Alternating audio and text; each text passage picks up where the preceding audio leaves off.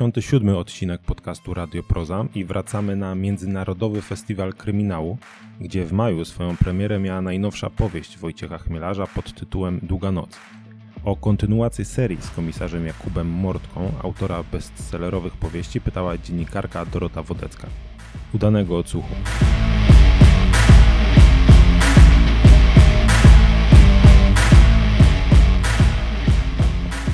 Dzień dobry. E, Dzień dobry Państwu, znaczy dobry wieczór. Właściwie na, na początek wstanę, żeby się z Państwem przywitać i powiedzieć mi, że strasznie mi jest miło, że Państwo tutaj przyszli i stwierdziliście, że chcecie ze mną spędzić ten kawałek tego pięknego, wiosennego, majowego wieczoru. Wieczoru. Więc y, jestem. Mam nadzieję, że, że miło będziecie, spędzimy tą godzinę, półtorej razem. Spotykamy się przy okazji premiery książki, mm, w której wracasz do Jakuba Mortki. I dzwoniłam. O, dzwo, słyszysz, tutaj pani powiedziała wreszcie. Dzwoniłam dzisiaj do zaprzyjaźnionego policjanta yy, i mówię: Słuchaj, może byś przyszedł na to spotkanie. On mówi: Tak, tak, ten gość, ten gość pisze o, o takim facecie, co się tak dziwnie nazywa. Ja mówię: No jak dziwnie, Mortka? No ale to powinno być przez D. I yy, właściwie dlaczego on się tak nazywa, jak się nazywa? O, okej. I to jest to pytanie, mm, e, na które już sobie lat, na które sobie już lata temu powinienem wymyślić jakąś fajną anegdotę. E, dlaczego on się nazywa tak, jak, tak, jak się nazywa? Od Mortem? E, znaczy, generalnie jest ten, generalnie mój francuski tłumacz, e, i tak mówię mój francuski tłumacz, ale jestem tłumaczony tylko na francuski, więc to jest jedyny tłumacz, jakiego mam. E, był zachwycony, jak się dowiedział, e, e, że, że to jest mordka, bo właśnie mu się to kojarzy z mord, czyli śmierć, więc po francusku będzie tak fajnie oddziaływać. Natomiast prawda jest taka, że kiedy pisałem pierwszą część tej książki, a inaczej Państwu powiem, ja jestem w ogóle bardzo kiepski w wymyślaniu imion i nazwisk moich postaci.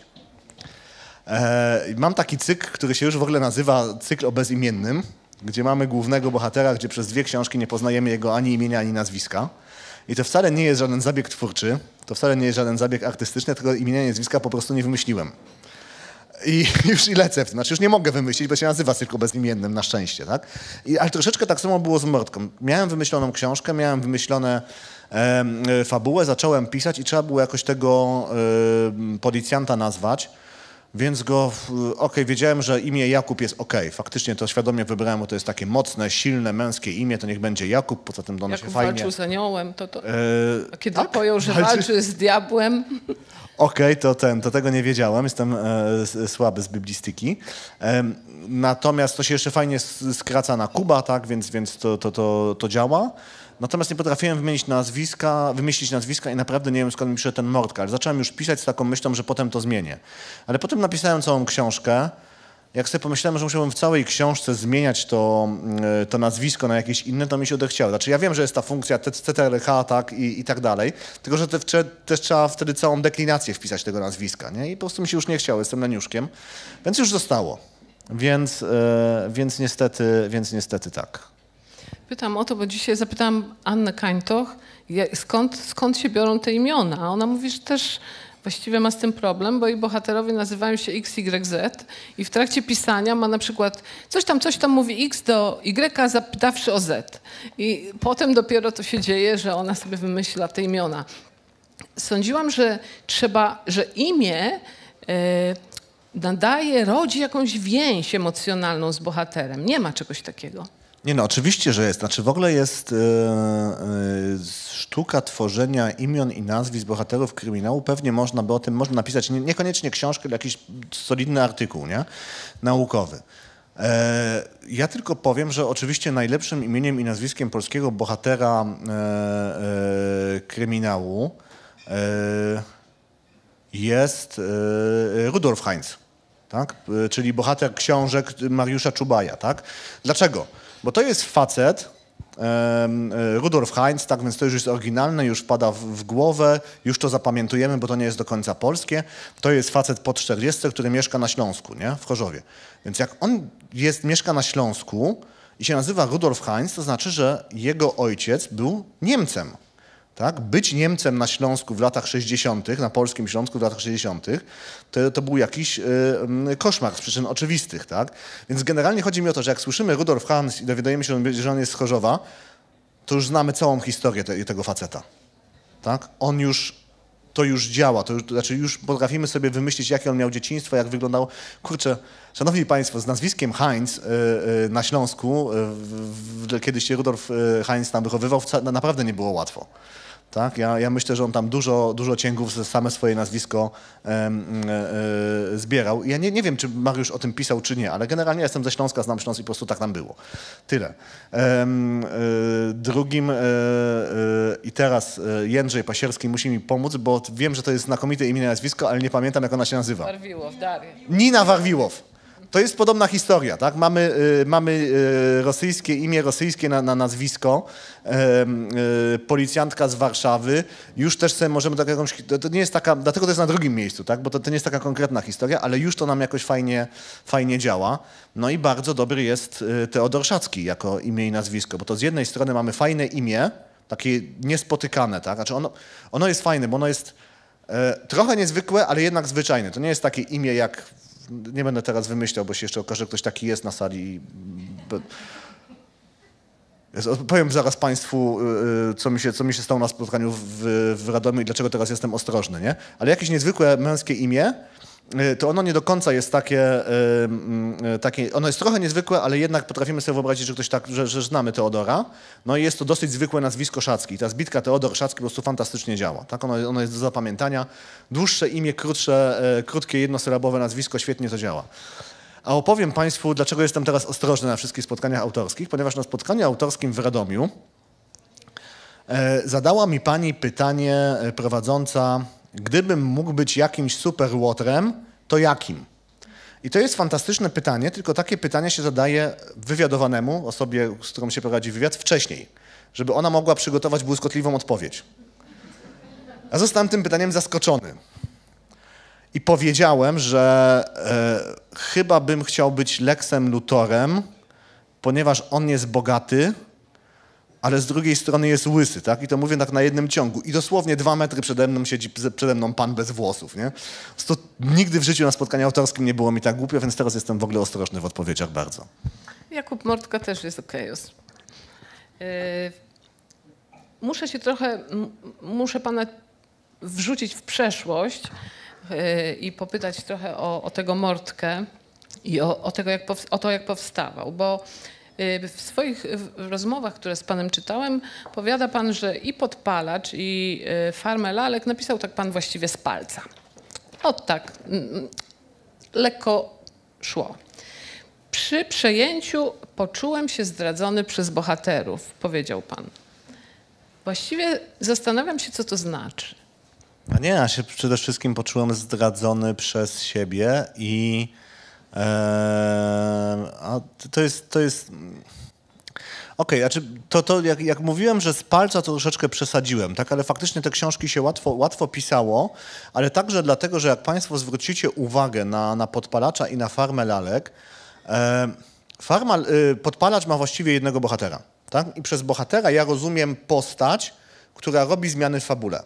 Tak? Znaczy bohater to jest ktoś, kto zmienia fabułę. I tym, tam jedynym bohaterem właściwie jest Mortka. Mortka coś robi i tam cała reszta reaguje na to, co, co, co, jak on postępuje. Tak? Wszyscy są reaktywni w stosunku do niego i nad taką fabułą było bardzo prosto e, zapanować. W Farmie Lalek już tych bohaterów jest dwóch, tak? bo jest dwóch policjantów, jest Mortka, jest policjant Lupa. Tak? I oni obaj działają niezależnie od siebie. Już było troszeczkę więcej kombinowania, jak, ich, jak oni nawzajem na siebie działają, pomimo tego, że, że, że nie wiedzą, że, że, że na siebie działają nawzajem, o że tak powiem. W podpalaczu tych bohaterów już chyba było czterech albo pięciu. Już przepraszam, nie, nie będę tego liczył i tak dalej, ale to już było za, za. Znaczy, mi się wydawało, że jestem w stanie to ogarnąć, a się okazało, że nie jestem w stanie tego ogarnąć. Tak? I naprawdę w pewnym momencie ja sobie zdałem sprawę, że o mój Boże, to mi się wszystko wymknęło pod, spod kontroli. Ja nie rozumiem, co tam się dzieje, nie rozumiem, dlaczego tam, tam się dzieje. Nie wiem, jak tą fabułę poskładać do, do kupy. No i faktycznie miałem takie kilka dni przestoju, gdzie e, siedziałem znowu z kartką papieru i to wszystko sobie po kolei rozpisywałem, rozpisywałem.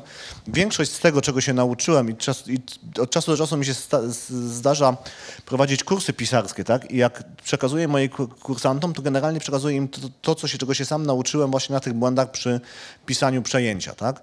Że, e, no, że jednak tą fabułę trzeba mieć bardzo dokładnie rozpisaną i trzeba wiedzieć, kto jest postacią, a kto, kto jest bohaterem. Ale to, to nie tyle bohaterowie mnie zdradzili, po prostu ja, to, to był taki kurczę typowy e, mam wrażenie, grzech spychy, tak? E, napisałem dwie książki, one zostały dobrze przyjęte, obie były nominowane we Wrocławiu, sobie myślę, trzecią też sobie walnę z ten. E, właśnie wtedy sobie po raz pierwszy myślałem, a to trzecią walnę z palucha. Się okazało, że nie, że, że wcale tego nie potrafię i była to bardzo duża lek lekcja pokory, którą właściwie mam do dzisiaj w głowie. Do dzisiaj jest dla mnie dużym zaskoczeniem, że akurat ta książka dostała nagrodę wielkiego kalibru, nie? ale najwyraźniej tak miało być. Wtedy pierwszy raz porzucił pan Mortkę, ale wrócił do niego z osiedlem marzeń.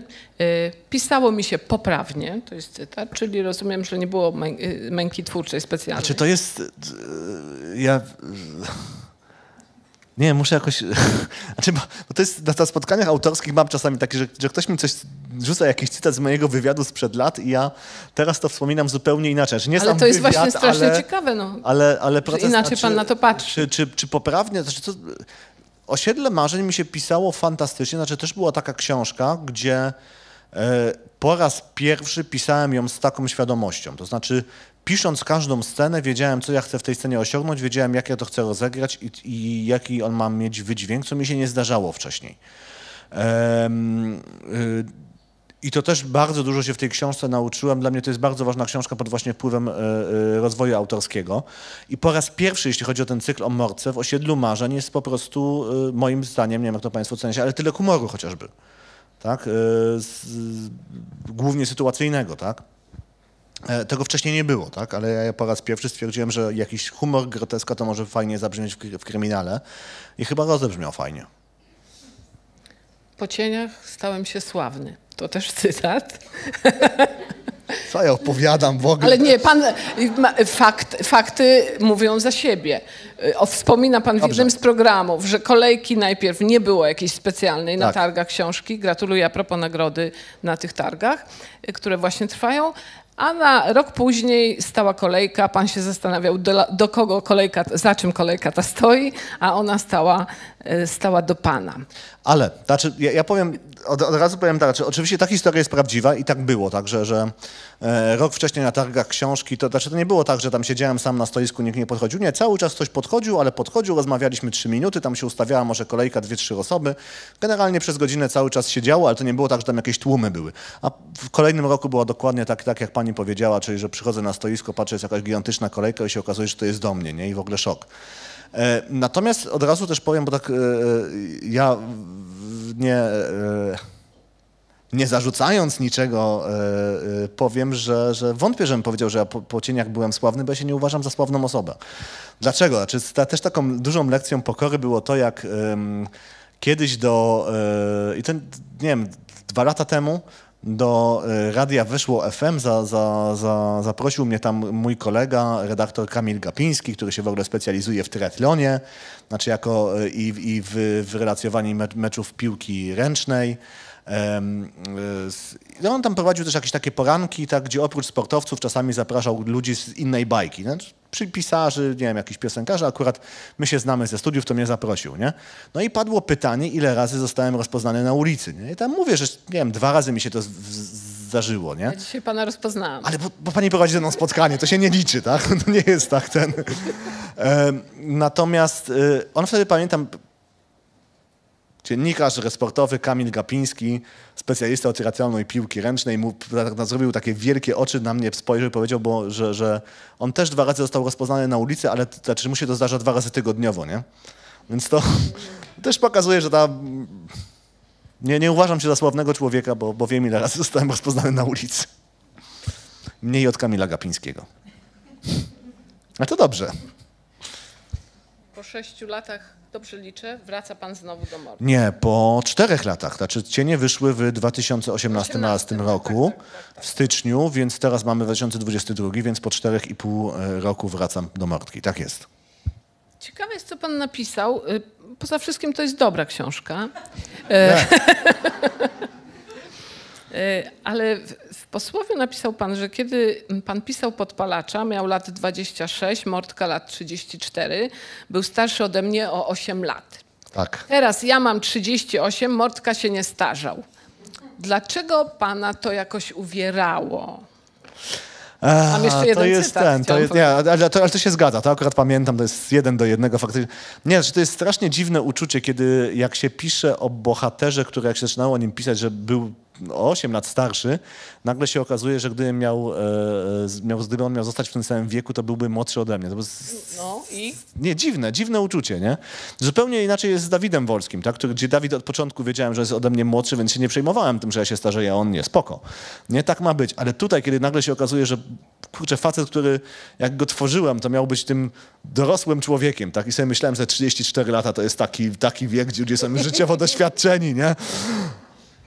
I teraz rozumiem, co moja ówczesna wydawczyni, e, e, czyli Monika Schneiderman, jak mi mówiła, że, że on powinien być po 40. Ja się broniłem, że nie, że to za dużo, nie? E, miała rację.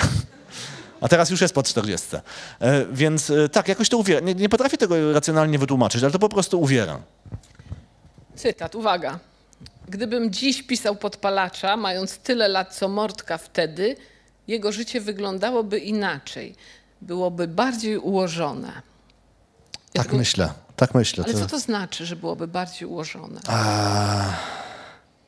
Myślę, że no, startowałby troszeczkę w inny. Nie wiem, niekoniecznie wiem, czy byłby ten, czy, czy byłby już rozwiedziony w wieku 34 lat, czy raczej byłby ten etap walczenia o małżeństwa ciągle. Może by mu się udało to, to, to ogarnąć, może by zrezygnował z pracy w policji. Wydaje mi się, że byłby innym, innym człowiekiem trochę. No, ta, tak jak mówiłem, kurczę, wydawało mi się, że ludzie w wieku 34 lat są nie wiadomo jak już y, życiowo przetyrani nie? i przeczołgani. Y, teraz z perspektywy lat 38 wydaje mi się, że nie do końca. Em, I y, więc nie, myślę, że, że troszeczkę byłoby to wszystko spokojniejsze w jego życiu i by się dłużej toczyło. Zastanawiałam się, zastanawiam się teraz, pan mówi, że może by rzucił pracę w policji. Ja sądzę, że on by jej nie rzucił, pan wybaczy, ale on miał y, takie wzorce, że jak się w coś angażujemy, to się angażujemy. Jego tata y, był, jest, jeszcze żyje w tej książce, jest lekarzem, y, wraca, jest już na emeryturze, w czasie pandemii wraca do szpitala, poświęca się, ryzykując życie. I Zastanawiałam się, czy na początku podpalacza jest taki cytat z Rzeki Tajemnic. Jeden z bohaterów W mówi. końcu ktoś na to zwrócił uwagę. Zawsze ja o tym mówię, a ten... Dobrze, Proszę pana, ja przesłuchałam mnóstwo wywiadów z panem, więc. I tam mamy takie zdanie, że mm, odebrać mi mój zawód i mnie nie ma. Zastanawiam się, czy Mortka nie jest teraz na takim etapie, że on się zastanawia, czy, czy on dobrze wybrał. Dlaczego ja się nad tym zastanawiam? Kiedy, kiedy on patrzy na córkę Oli, na Ewę, Tak. jest w nim taka czułość. Y, Kiedy oświadcza się, powiedzmy, Ale to, to dużo, za dużo zdradzamy. bo to- to ale nie wiadomo, jeszcze, komu się jeszcze, oświadcza, jeszcze no. państwu ten, jeszcze państwo nie, nie, nie czytali. Dobra, nie- Dobrze, znaczy, e, ja powiem tak, czy po pierwsze, jeśli chodzi o to zaangażowanie jako, ja, ja- jako policjant, to też e, mm, pewnie, e, e, pe- pewnie pani, pani wie lepiej e, ode mnie. No w tym roku 2010 taki był model pracy w policji. Znaczy tacy wtedy byli, byli funkcjonariusze, którzy po prostu całym, ca, znaczy nie było, policja była zawsze na pierwszym miejscu, tak? Służba była na pierwszym miejscu, tak? Ja jakieś 2-3 lata temu rozmawiałem z, z, z policjantem, już nieważne skąd, takim dojrzałym facetem, który długo służy i on mi mówi, że on nie rozumie, co się dzieje z młodymi, jak przychodzą. Bo oni przychodzą i oni po, po 8 godzinach mówią, że skończyłem pracę, idę do domu. No i on w ogóle tak, ale kurde, jak? Jest robota do zrobienia, tak? Jest coś, coś trzeba zrobić. Jak to jest, że ty idziesz do domu, nie? Ja wtedy, wtedy pomyślałem, że może to kurczę dobrze, że ci młodzi tacy są, tak? Bo w, e, generalnie też mam takie wrażenie, że mm, e, państwo polskie w swoich wielu aspektach, myślę tutaj także o nauczycielach, myślę o policjantach, myślę o służbie zdrowia, to są te obszary, które ja znam, ale myślę, że możemy sobie wymienić parę innych, opiera się na tym, że na, na poczuciu obowiązku nas jako obywateli, tak? Że my, kurczę, za te psie pieniądze E, wcale nie pójdziemy do domu po 8 godzinach, tylko będziemy siedzieć i pracować po 12 godzin, bo tak trzeba, tak? Więc myślę, że ci młodzi policjanci, którzy po 8 godzinach idą do domu, akurat robią dobrze, ale to już jest moja osobna, ale to, to, pokazuje pewną zmianę mentalną wśród, wśród tych młodszych funkcjonariuszy i, i, on naprawdę po prostu nie rozumiał, co się dzieje. Znaczy, bo mówi, że za jego czasów, kurczę, jak była robota, to się działo, się działo się po 20 godzin, po 12 godzin, tyle, ile trzeba było, żeby to zrobić. Nie, oni po 8 godzinach idą do domu. I, więc y, także dlatego pewnie Bartka byłby, y, byłby, y, miałby to życie bardziej ułożone. No, ale tak, na pewno on teraz e, w tej książce, bo ta książka się dzieje współcześnie, tak? To, to nie jest żadna tajemnica, konkretnie w listopadzie 2021 roku, więc 10 e, lat po wydarzeniach z cieni, więc łatwo sobie obliczyć, że jeśli on w cieniach miał 34 lata, bo tyle miał, to teraz ma 44. Więc y, faktycznie trochę się w jego życiu wydarzyło. I faktycznie myślę, że on ma takie zastanowienie się, czy, czy dobrze zrobił i czy, yy, i czy to jego życie do, po, poszło we właściwym kierunku. Cieka ciekawe. Ale też nie chciałbym Państwa przestraszyć. To nie jest, to nie jest książka o kryzysie wieku średniego. W ogóle, nie, nie, tam, tam, może, nie wiem, dwie myśli są na ten temat, żebyście Państwo, nie, tam się naprawdę dużo dzieli i on, on głównie prowadzi śledztwo. A nawet dwa.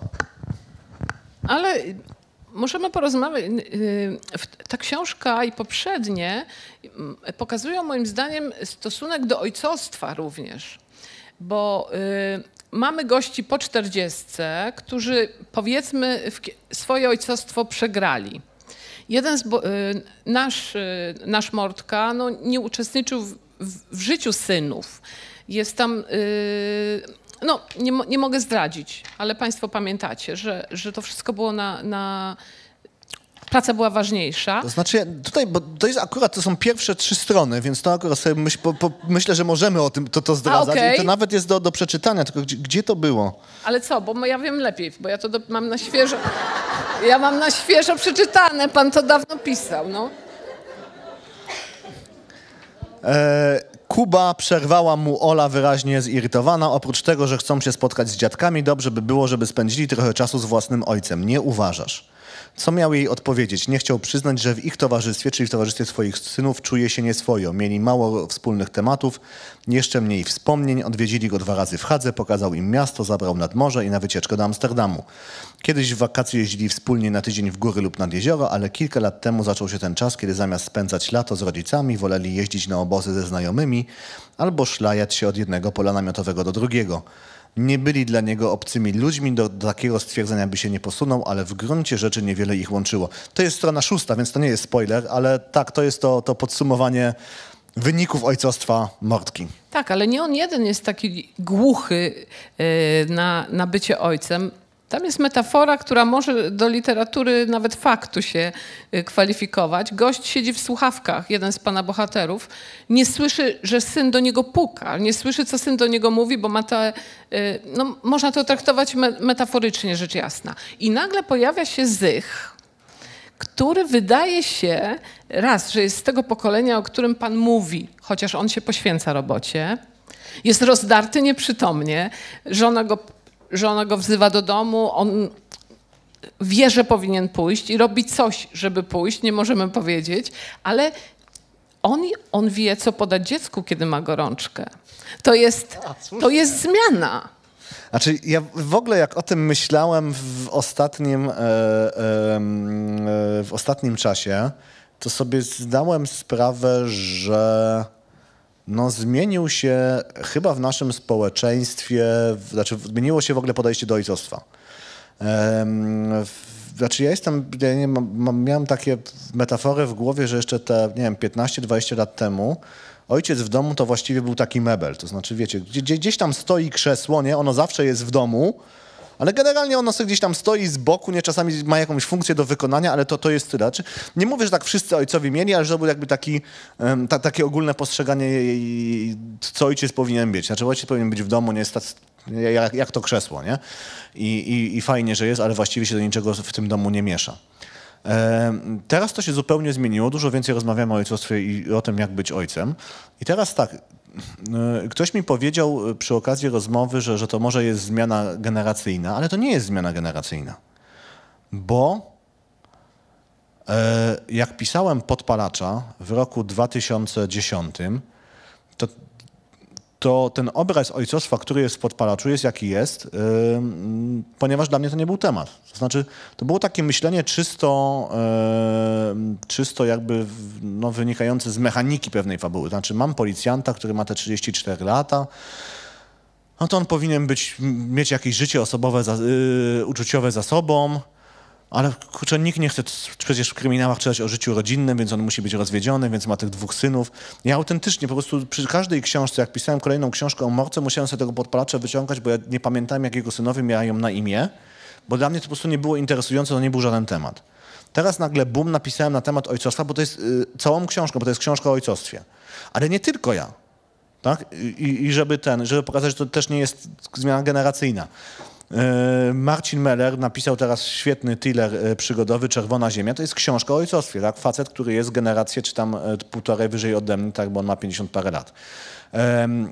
Robert Małecki, który tutaj prowadził spotkanie przed chwilą, przecież u niego wątek rodzicielstwa, wątek ojcostwa w relacji Bernard Gross, jego syn, to też jest bardzo ważny motor, motor napędowy całej fabuły tych, książek o Grossie, tak? E, A we wstydzie, to tam co prawda jest rodzicielstwo, y, mam, y, y, znaczy nie małżeństwo, tylko tam jest relacja matka-synowie, tak? ale, ale jednak rodzicielstwo też jest motorem napędowym w ogóle wstydu. Więc, więc to pokazuje, że kurczę, nagle dla autorów kryminałów w przeciągu 10 lat temat relacji dzieci-rodzice stał się po prostu tematem, który jest ważny, o którym się pisze książki, czego jeszcze te 10 lat temu nie było. E, więc e, zapomniałem, jakie było pytanie. Bo Nie, bo, nie, bo sobie. bym chciał to zakończyć jakąś efektowną puentą, ale nie, nie, nie do końca wiem, do czego dążymy. Tak? Natomiast, y, no tak, no, z, y, y, Zych jest innym gościem. z. Zych już jest, jest, jest innym gościem. Co- Coś się w Polsce zmieniło w postrzeganiu tego, y, jaki powinien być ojciec. Mam nadzieję, że na trwała. Y, Szukając, y, przygotowując się do tej rozmowy, znalazłam mm, pan, y, wywiad, jakiego pan udzielił gazecie policyjnej. Się Lata temu chyba, lata no. temu. Dobrze. Ale mm, tam pa, y, pana rozmówczyni albo rozmówca, przepraszam, nie pamiętam, ma do, ma do pana pretensje i, i mówi coś takiego. Nawet w książkach nie ma szczęśliwych gliniarzy. I właściwie zastanawiam się, czy jest, czy jest szansa, żeby taki przerysowany trochę gliniarz mógł być szczęśliwy. Czy ten zych, on mnie męczy, czy ten zych ma szansę w ogóle? Czy w ogóle m- możliwe jest? Ale Czy znaczy, praca cię tak wciąga, czy, czy to nie jest tak, że musisz coś poświęcić? E, Znaczy, ja, ja powiem e, tro, troszeczkę inaczej. Znaczy, oczywiście jest możliwe, że w książce będzie szczęśliwy e, gliniarz, znaczy gliniarz z, z szczęśliwym życiem e, rodzinnym, ale tylko jako postać drugoplanowa. E, dlaczego? Ponieważ, kurczę, jak czytamy kryminał, dalej będę tego bronił tej tezy, jak czytamy kryminał, to chcemy, to chcemy czytać o czym? No, o, o śledztwie, o szukaniu zabójcy, o pościgach, o strzelaninach, nie o rozwiązywaniu zagadek i tak dalej, a nie o tym, jak facet idzie na wywiadówkę do przedszkola swojego syna czy swojego córki, tak? Po prostu, jak piszemy fabułę kryminału, to wydaje mi się, że w takiej fabule nie ma miejsca na szczęśliwe życie rodzinne. Znaczy, szczęśliwe życie rodzinne po prostu w fabule kryminału zajmuje zbyt dużo czasu, rozwadnia, mm, e, rozwadnia, mm, e, rozwadnia całą tą historię. Szczególnie, że kryminał jest takim specyficznym gatunkiem i to się w ogóle, to ch- chyba tylko kryminał jest taki w kryminale główny bohater, czyli ten nasz policjant, czy, czy patrząc szerzej śledczy, tak, bo to może być i dziennikarz, to może być medyk sądowy, to może być yy, ktokolwiek inny, nie musi być koniecznie, ale nasz śledczy yy, uczestniczy w jakiejś historii, ale to nie jest historia o nim. No, nie, nie, nie wiem, czy Państwo dostrzegacie, tak? Znaczy on tam wchodzi jako obcy. On jest razem z nami obserwatorem i opisuje nam jakąś historię, ale on nie jest jej uczestnikiem w sensie, nie był w nim od początku, jest, je, je, je- jest przy końcu. Tak? To się zdarza tylko w kryminale. Tak? W każdej innej książce tak, to poznajemy historię od wewnątrz, od jakiegoś jej uczestnika. Nie, nie, nie, nie wiem, czy to ja, jasno się, się, się wyrażam. I to jest fascynujące, tak? Więc chodzi mi o to, gdybyśmy tam mieli jeszcze... My chcemy poznać historię tych ludzi, czy tego w skrócie, e, e, e, metaforycznie trochę, chcemy poznać historię tej, tej zamordowanej osoby. Tak? Dlaczego ona została zamordowana, kto ją zamordował i w jaki sposób zostanie znaleziony i, i, i, i skazany ten, i, i, skazany sprawca. To nas interesuje. Tak? I wkładanie w tą historię szczęśliwego życia rodzinnego naszego bohatera, no by po prostu tą, tą historię główną, która nas najbardziej interesuje jako czytelników, po prostu rozwadniało. Tak? I, nic by nie, I tak naprawdę o to jest najważniejsze. Nic by nie wnosiło do fabuły. Bo fabuła jest o tym zamordowanym facecie. Pytanie, czy w ogóle jest możliwy szczęśliwy policjant? Yy, nie no, paru szczęśliwych policjantów w swoim życiu spotkałem, tak? I, yy, I zadowolonych z życia i też spełniających się jako rodzice, więc myślę, że tak. Super. 10 lat temu komendant szkoły policji w Pile dał panu nagrodę za mordkę. I uzasadnienie było za najciekawszy artystycznie okay, i etycznie rozważny literacki obraz policjanta. Ja się zastanawiałam, co on miał na myśli, tylko proszę nie mówić, to proszę się go spytać. Etycznie rozważny. Ale nie, nie, bo ja, ja, też nie wiem, dlaczego ja mam na to odpowiadać. Ja sobie tej sam nagrody nie przyznałem, nie? Nie jest tak, że pisałem, że, że mi chcemy dać panu wyróżnienie, panie Wojtku, za to. Za co? Ja mówię, za to, że za etycznie rozważny No, ale ktoś podsumował, krytyk literacki też może podsumować jakąś pana twórczość i pan się do niej odnosi. No to jak policjant ją podsumował pana bohatera, że jest etycznie rozważny, no to fajnie by było, jakby pan powiedział, co pan o tym myśli. Czy... Znaczy ja, ja generalnie już tak zupełnie na poważnie myślę, że coś w tym jest. Znaczy mnie zawsze ciekawiło to, jak daleko może, i to chyba widać w każdej książce o mordce, tak? Jak daleko możesz posunąć się policjant w, yy, żeby, żeby, żeby doprowadzić do sprawiedliwości tak, u y, Jamesa Elroya, tak, znaczy niedawno, nie wiem, czy to jest w książce, książkę czytałem lata temu, ale odświeżyłem sobie film Tajemnice Hollywood na podstawie Jamesa Elroya i tam jest taka scena, kiedy główny bohater, tak grany, grany przez Gaia Pearsa, podchodzi do, do jakiegoś tam komisarza policji i mówi, że on chce pracować w wydziale kryminalnym. I facet mówi, że komendant y, ten policji mówi, że słuchaj, nie, bo ty tego nie masz. Czy będzie, i mówi mu, nie, czy będziesz w stanie, otwartym tekstem, nie? to jest lata 40. Los Angeles, nie? Czy będziesz w stanie podrzucić fałszywe dowody facetowi, któremu wiesz, że jest winny, ale na którego nie ma żadnych papierów? Czy, I chyba nawet się posuwa do tego, czy będziesz w stanie strzelić facetowi w plecy i potem powiedzieć, że uciekał podczas próby aresztowania? Bo wie, że on jest winny, a żaden sąd go nie skaże, tak?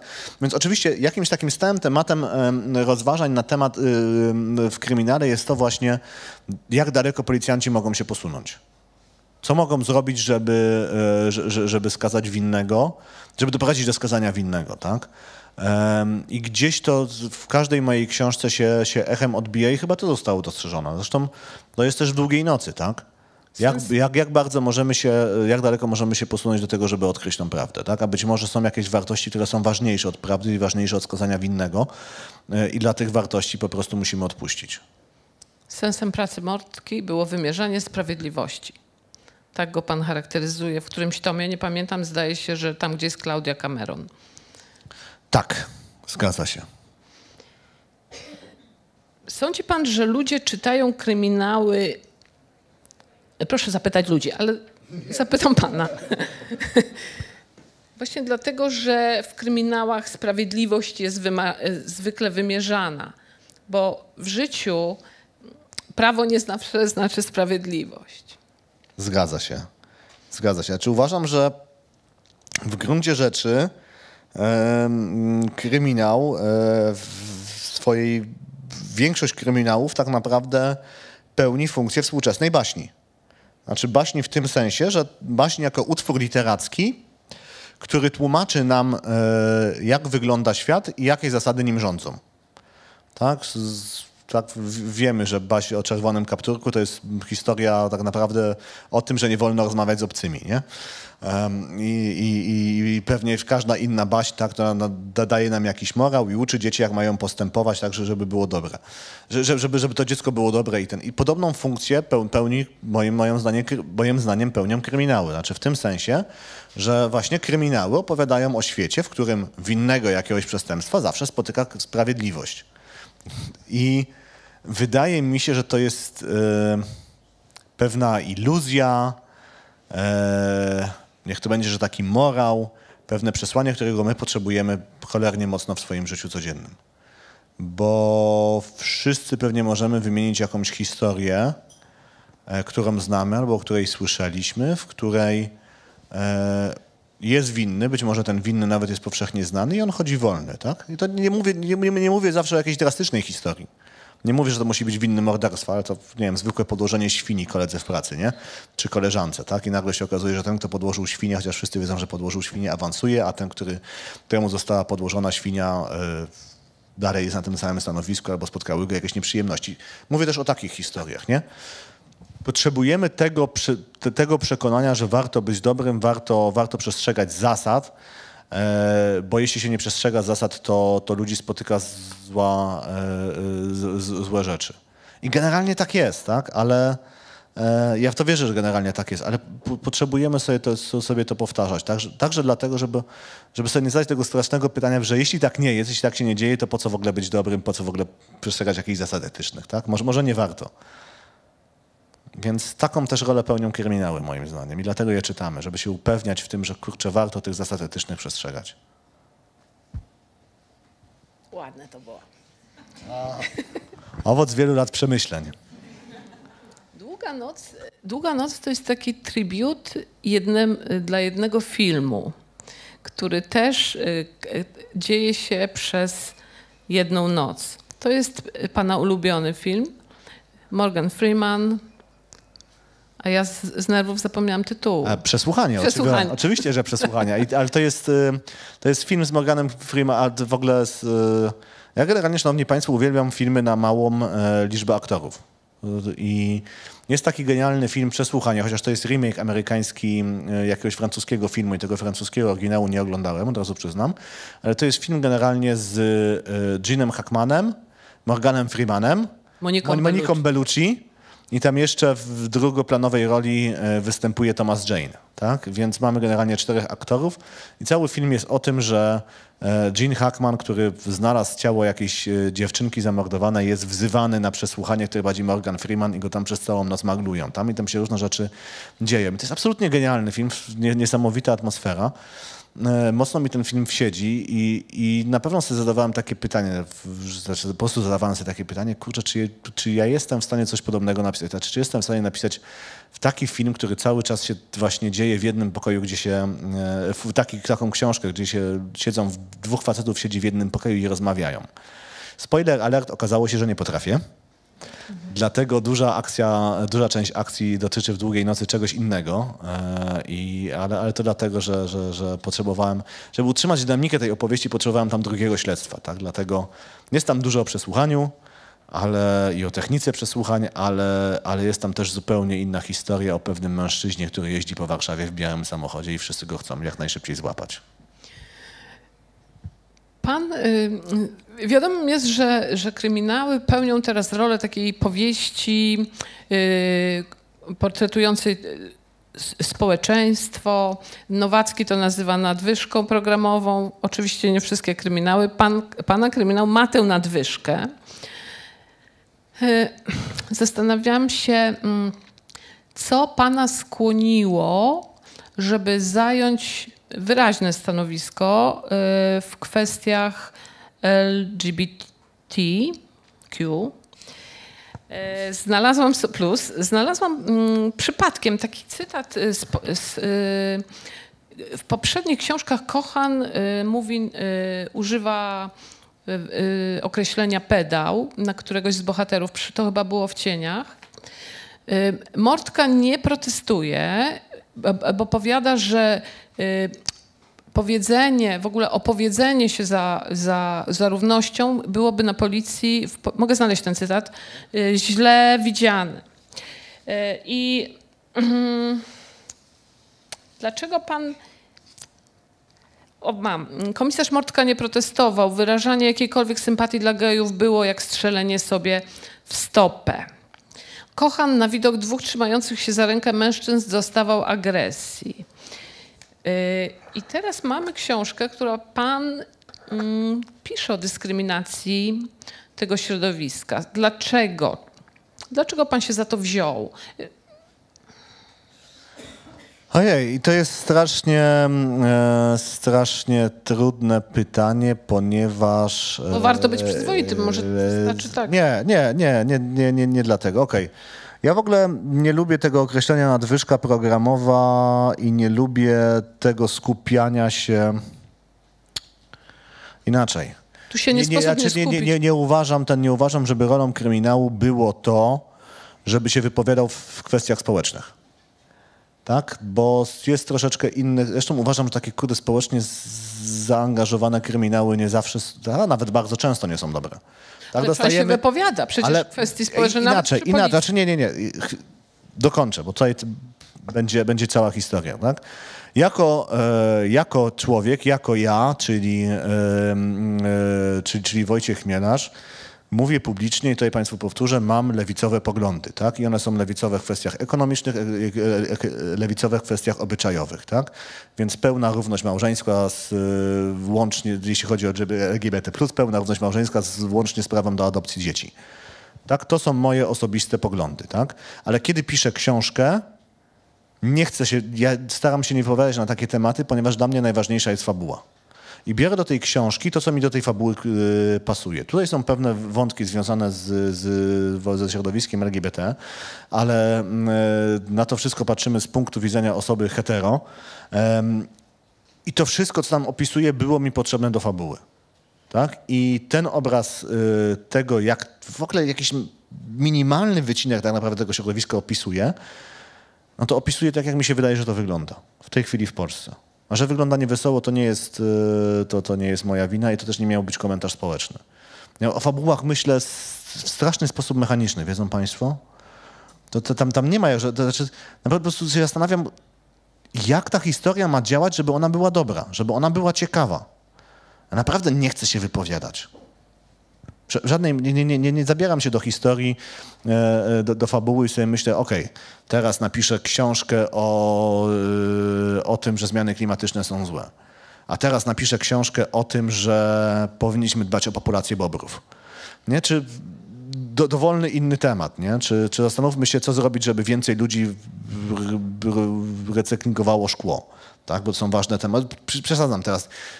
Ale panie Wojtku, Ale- ale- czy pisarz nie rezonuje z tym, co się dzieje? A to, że rezonuje, to jest zupełnie inna sprawa, tak? Natomiast chodzi mi o to, że... Oczywiście, że rezonuje, tak? Od, od, od pewnych tematów nie da się uciąć, pewnymi tematami każda książka jest jakąś projekcją oczywiście tego, jak ja widzę świat, tak? I jest projekcją mojego światopoglądu i ważnych dla mnie wartości. Tak, bo ja przez pryzmat swoich wartości y, opisuję i oceniam świat. To, co dla mnie jest nieetyczne, to, co dla mnie jest złe, to potem tak to, tak to, e, e, tak to opisuję.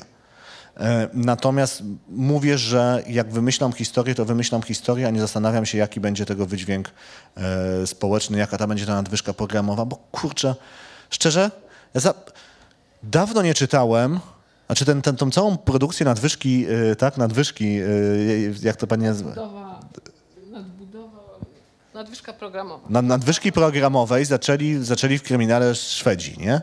W tych swoich kryminałach skandynawskich. E, oczywiście, że Szwedzi w kryminałach skandynawskich, nie wiem dlaczego. Znaczy, kiedyś ten, kiedyś y, jakiś pan wydał, nie pamiętam jego nazwiska i tytułu, ale kiedyś pamiętam, jakiś pan reklamował lata temu swoją książkę jako pierwszy polski kryminał skandynawski, nie? w ogóle...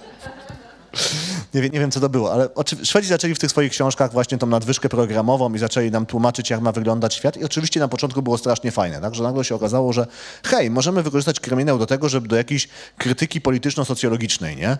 Albo żeby opowiedzieć coś o społeczeństwie. I to było super.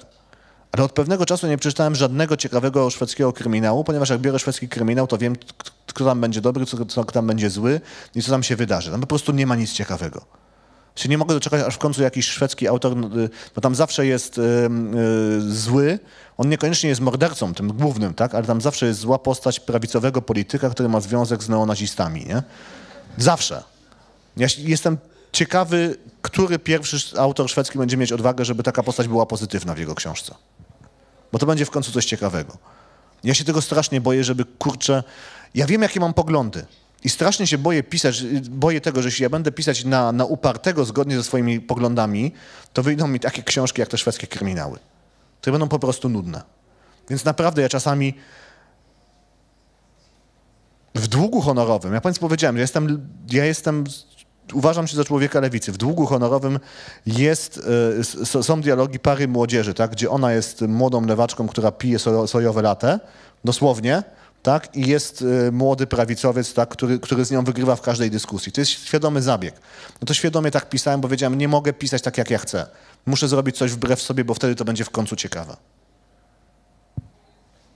Ja muszę... więc, więc fabuła jest dla mnie najważniejsza. Tak? I jeśli z tej fabuły potem Państwo coś wyciągniecie fajnego um, i Państwo jak, jak wyciągniecie z tego jak coś, coś ciekawego e, więcej, jakąś ciekawą interpretację, to super. Ale to, to będzie Państwa interpretacja i dobrze. Tak? Bo ja też zawsze powtarzam, że najciekawszych rzeczy, jakie się dowiedziałem od swoich książek, to się dowiedziałem od czytelników.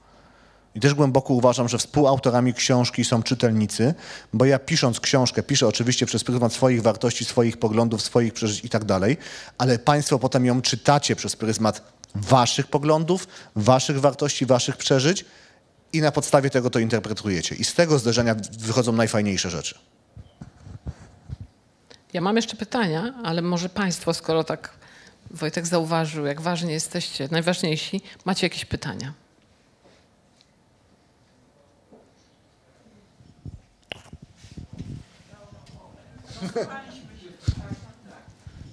Dobrze, to najpierw pana.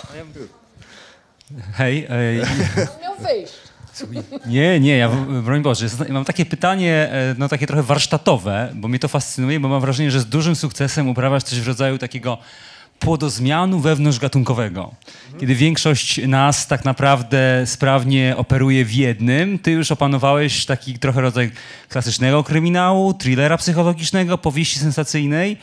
I to jest takie pytanie, może nawet trochę prywatne, czy znam się, czy tak intuicyjnie wybierasz kolejne powieści, czy to, to, to, na co masz ochotę napisać, czy tak trochę planujesz? E, wiesz co, w dużej mierze intuicyjnie, bo to są po prostu historie, które ja mam w głowie i które wiem, że muszę wyrzucić, wiesz, ale ja też szukam takich historii, bo ja generalnie uważam, że autorzy literatury, szczególnie gatunkowej, powinni właśnie uprawiać ten płodozmian, jak ty dobrze założyłeś, zauważyłeś, bo literatura kryminalna jest bardzo skonwencjonalizowana i co jest z jednej strony fajne, dla nas jako czytelników, bo my się dzięki temu bardzo szybko wchodzimy w tą historię, bo się w tej historii czujemy bezpiecznie. To znaczy, szanowni państwo, każdy kryminał jest o tym, że ktoś kogoś zabił, przepraszam, nie każdy, 90%, ktoś kogoś zabił, potem pojawia się ten śledczy, potem ginie od 5 do 10 osób nie? i na końcu winny zostaje ukarany. Tak, i to jest fabuła 90-95% kryminałów. Tak, co jest dla nas właśnie fajnych jako czytelników, bo ponieważ my wiemy, co się tak naprawdę wydarzy, wiemy, że się pojawi ten śledczy, mniej więcej wiemy, kiedy będą zwroty akcji, mniej więcej wiemy, kiedy zostaniemy oszukani, to my się czujemy w tym świecie bezpieczni i szybko w niego wchodzimy, szybko osiągamy ten stan zawieszenia niewiary i jest super.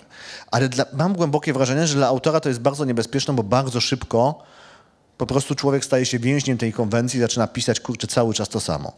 Więc wierzę, że po prostu trzeba troszeczkę skakać, troszeczkę zmieniać, zadawać sobie, wiesz, jakieś wyzwania autorskie, bo potem jak się wraca, to się pisze po prostu lepiej.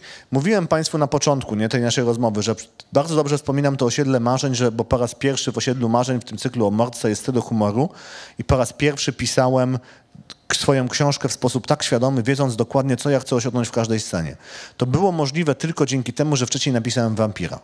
Wampira, który był takim kryminałem bardzo czarnym, który był kryminałem zahaczającym o groteskę, gdzie był, bohater był skończonym, e, skończonym draniem i tak dalej, ale po prostu nagle się okazało, że jak ja to napisałem, to hej, nauczyłem się czegoś nowego jako autor. Zdobyłem nowe narzędzia, zobaczmy, czy mogę je wykorzystać w mordce. O, mogę i jest fajny efekt, tak? I teraz wiesz, czuję, że nie napisałbym Długiej Nocy. Znaczy uważam, nie zacytuję tutaj e, panią Dorotę, to jest na, tak naprawdę dobra książka. Tak, zacytuję. Ona nie byłaby naprawdę dobra, gdyby nie to, że miałem te narzędzia, które zdobyłem pisząc kolejne thrillery psychologiczne. E, ale notabene thrillery psychologiczne też przestałem pisać i na chwilę sobie od nich odpocznę, dlatego że uważam, że... Znaczy boję się tego, że stanę się więźniem tej konwencji, jaką jest thriller psychologiczny, tak? I zacznę po prostu, że nie, będzie już nie będę miał już świeżych pomysłów na to. I dlatego sobie 4,5, tak, 4,5 roku mówiłem, czekaliście na państw, państwo na mordkę. Dlacze- Dlaczego? Bo nie miałem dobrego, świeżego pomysłu na mordkę. Musiałem napisać te kilka książek pomiędzy, żeby w końcu mi wpadł y, po pierwsze dobry pomysł na, na kolejnego mordkę, a po drugie, żebym, e, e, żebym miał odpowiednie narzędzie, żeby to napisać. Żebym wiedział, że potrafię to napisać. Żeby nie marnować państwa czasu kiepską książką. Właśnie to między innymi fascynowało, ta przerwa też, nie? Że miałeś te, też odwagę na tę przerwę przed kolejną częścią cyklu. No, ale Ale, znaczy wiesz co, odwaga, ale ja, kurczę, ja generalnie uważam, i teraz uwaga, bo to jest, używam specjalnie pierwszej osoby liczby mnogiej. Ja generalnie uważam, że my, czytelnicy, wcale nie wiemy, jaką książkę chcemy przeczytać. Em, I tutaj mogę Państwu podać dwa przykłady. Jeden przykład jako czytelnik, a drugi przykład jako autor, tak? E, Jeśli czegoś nienawidzę, za mocne słowo, jak mówię nienawidzę, ale jeśli czegoś nie lubię jako czytelnik, to to jest słowiańskie fantazy. Po prostu nie, nie, nie znoszę słowiańszczyzny. To jest także dlatego, że to jest mega sztuczne, po prostu my nie wiemy, jaka była mitologia słowiańska, bo wszystkie źródła zginęły, sobie coś, tak naprawdę wszyscy sobie coś są, są, są z, z palucha na podstawie jakichś szczątkowych fragmentów, nie? Bez sensu to jest zupełnie. Dostałem do czytania ks- książkę, e, e, nie, e, nie Radka Raka, Chąźba Katarzyny Puzyńskiej, która jest słowiańską fantazy. O mój Boże, jak mi się to podobało. Strasznie mi się to podobało. Uwielbiam tą książkę, pomimo tego, że powinienem jej nie znosić, ale się okazało, że z jakiegoś powodu, e, już nieważne jakiego, ale to akurat była ta książka, którą ja chciałem wtedy przeczytać, tylko ja o tym nie wiedziałem. Z drugiej strony, jako autor, gdybym ja Państwa słuchał, to bym nigdy nie napisał Żmijowiska, które jest moją najlepszą sprzedającą się książką. Tak? Absolutnie na, na, na, najlepszą. E, bo Państwo wtedy prosiliście o kolejnego mordkę. Generalnie uważam, że wiesz, jeśli my jesteśmy autorami, tak, to naszym przywilejem i umiejętnością, którą powinien mieć każdy autor, to jest po prostu umiejętność e, wiedzenia lepiej od czytelnika, co on chce przeczytać. I tyle. Tak? I, i, więc to nie była z mojej strony, wiesz, to, ta przerwa to nie jest z mojej strony odwaga. To jest po prostu świadomość tego, że em, znaczy raz, że ja tego jeszcze nie potrafię napisać, znaczy mógłbym napisać, ale to byłaby gorsza książka po prostu, nie? Więc szkoda marnować Państwa czas, ale hej, mam historię w głowie, którą wiem jak teraz napisać, którą potrafię teraz napisać i wiem, że Państwu się spodoba. Bo to jest mój zawód, bo spędziłem ileś lat ucząc się pisać historię, tworzyć historię, tworząc tych bohaterów, więc zaufajcie mi, ja wiem co robię. W uprawie roli to się nazywa płodozmian. Tak. tak, dzięki wielkie. A może to nie jest kwestia tego, że autor wie lepiej, co czytelnik chce przeczytać, tylko wie, jak to op- opowiedzieć.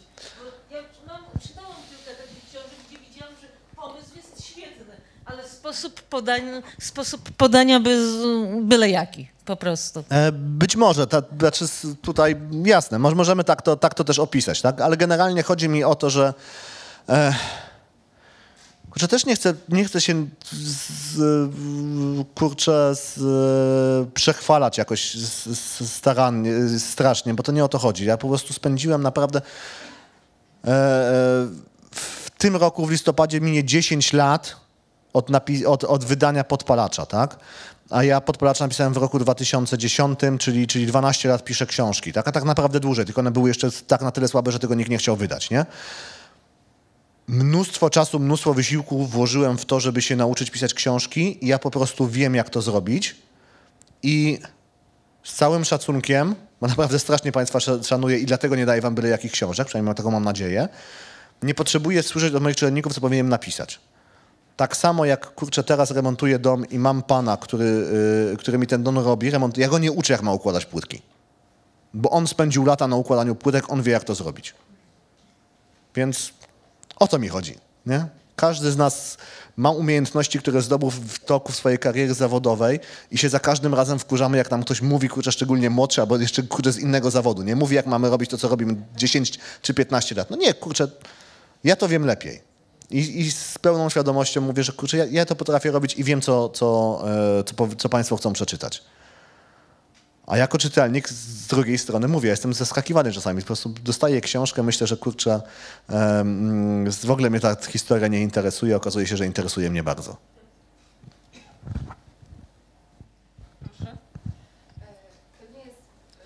Proszę poczekać na mikrofon. Proszę, poczekaj na mikrofon. Ja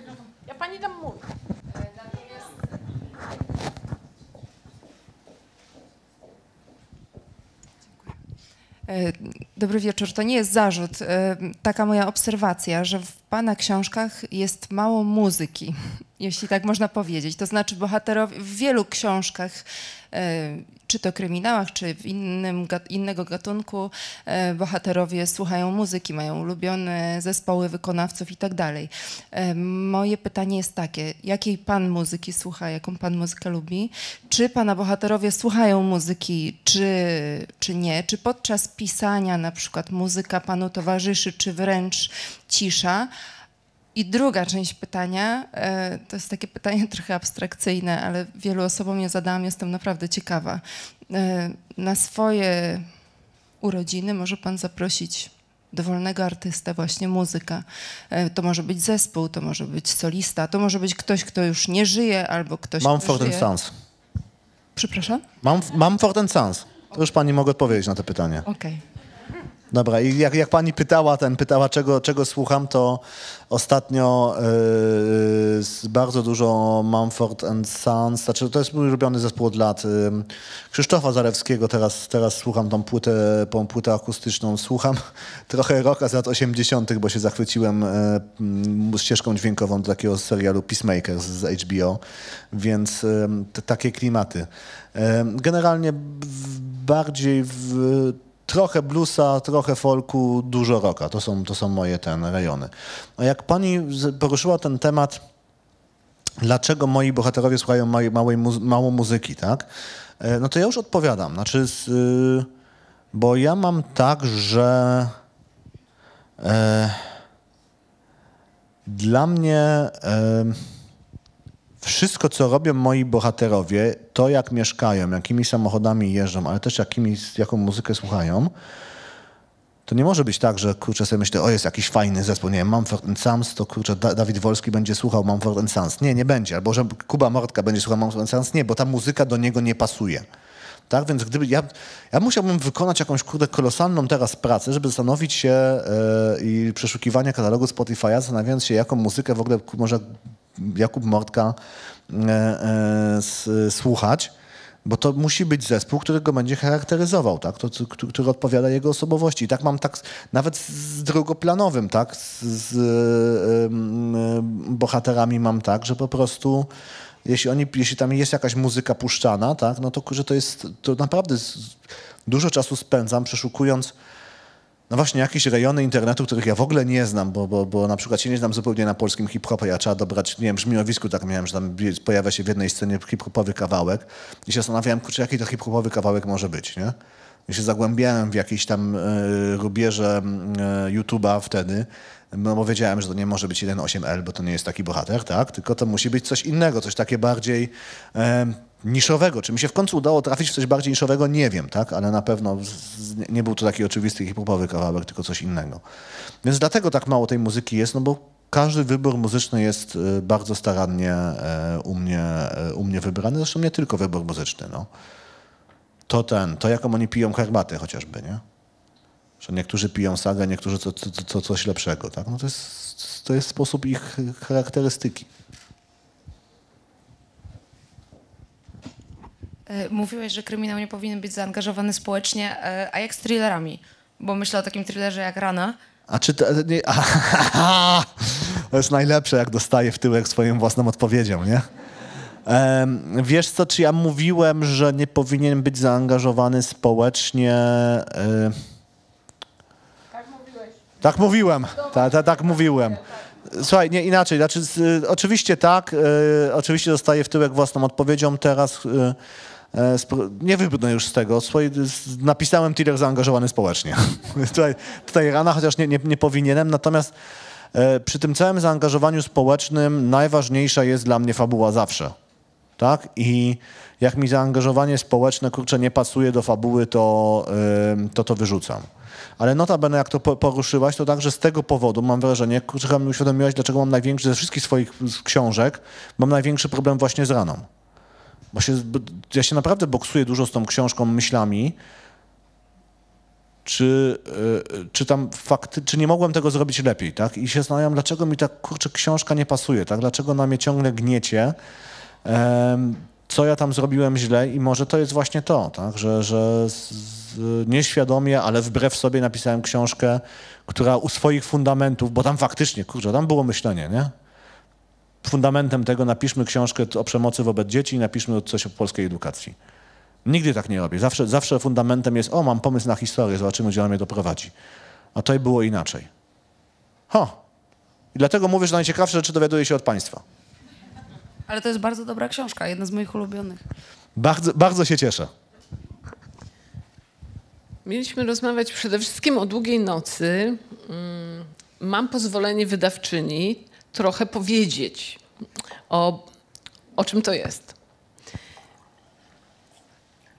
Mm, Mortka staje przed y, wielkim, no wielka, wielka historia. Rzeczywiście jego syn jest y, A możemy przeczytać, co jest tutaj z tyłu? Biały Proszę. samochód. No dobra, no dobra. No. Proszę sobie przeczytać. Ja jakoś inaczej zadam pytanie. Okej,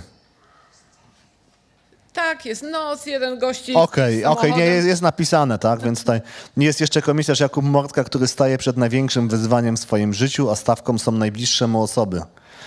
Jak daleko jest w stanie się posunąć, żeby ich ocalić? Daleko.